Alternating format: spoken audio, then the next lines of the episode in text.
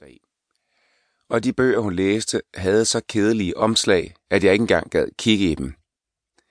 Først til spisetid åbnede hun døren igen og gik stille ud for at lave mad. Det er klart, at jeg med den kone og den livsstil ikke just kunne kalde mit liv stimulerende. Men hvis jeg på den anden side havde haft en af de koner, som hele tiden bliver ringet op af veninder og kolleger, eller hvis brok med mellemrum fører til højrystede skænderier med deres mænd, ville jeg nok have været taknemmelig, når hun endelig havde kørt sig selv træt. Den eneste måde, min kone skilte sig ud på, var, at hun ikke brød sig om at gå med BH. Dengang jeg var helt ung, og vi stadig kun lige var begyndt at se hinanden, lod jeg en dag tilfældigvis hånden hvile mod hendes ryg. Blot for at opdage, at jeg ikke kunne mærke nogen BH-strop under sweateren. Og da det gik op for mig, hvad det betød, blev jeg ganske ophidset. For at vurdere, om hun muligvis forsøgte at fortælle mig noget, brugte jeg et par minutter på at se på hende med nye øjne og nærstudere hendes opførsel. Resultatet af mine undersøgelser var, at hun faktisk ikke prøvede at sende mig nogen form for signal. Men var det så dogenskab? Eller fordi hun virkelig bare var fuldstændig ligeglad? Jeg kunne ikke gennemskue det. Det var ikke engang, fordi hun havde velformede bryster, som måske ville passe til det BH-løse look. Jeg ville have foretrukket, at hun gik med inverteret BH, så jeg ikke tabte ansigt over for mine bekendte. Selvom sommeren, når det engang imellem lykkedes mig at overtale hende til at tage en på, hægtede hun den op mindre end et minut efter, at hun var kommet ud af døren. Den åbne hægte var tydelig under hendes tynde, lyse bluser, men det rørte hende ikke det fjerneste.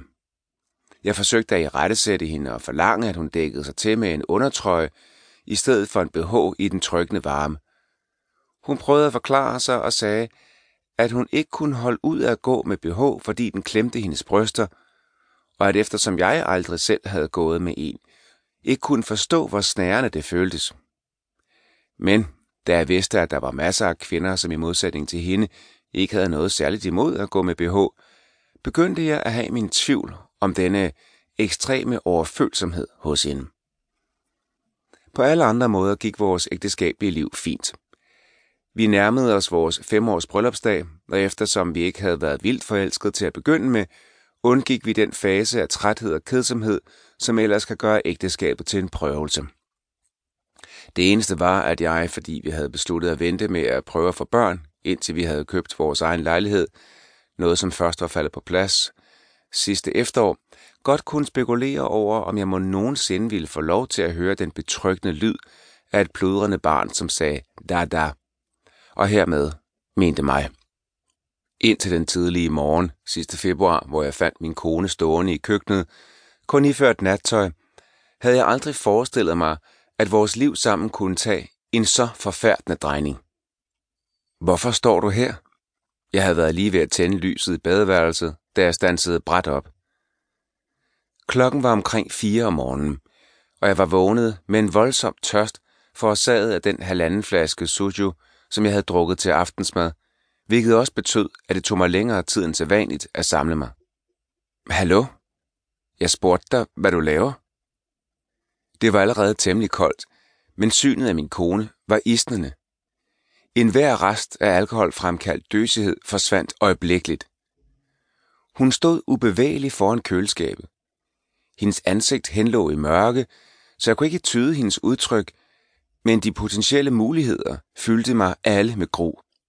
Hendes tykke, naturligt sorte hår hang uordnet omkring hendes ansigt, og hun var iført sin sædvanlige hvide, ankellange natkjole. Sådan en nat ville min kone sædvanligvis have skyndt sig at tage en cardigan på og fundet sine frotté-hjemmesko. Hvor længe havde hun stået der, barefodet i sin tynde sommernatkjole, stiv og strunk, som om hun overhovedet ikke indsede min gentagende forespørgsel. Hendes ansigt var bortvendt, og hun stod unaturligt stille, som om hun var et genfærd, der tavst holdt skansen. Hvad foregik der? Hvis hun ikke kunne høre mig, var det måske, fordi hun gik i søvn? Jeg trådte et skridt nærmere og strakte halsen for at få et kig på hendes ansigt. Hvorfor står du der? På den måde? Hvad er det, der foregår? Da jeg lagde hånden på hendes skulder, blev jeg forbavset over...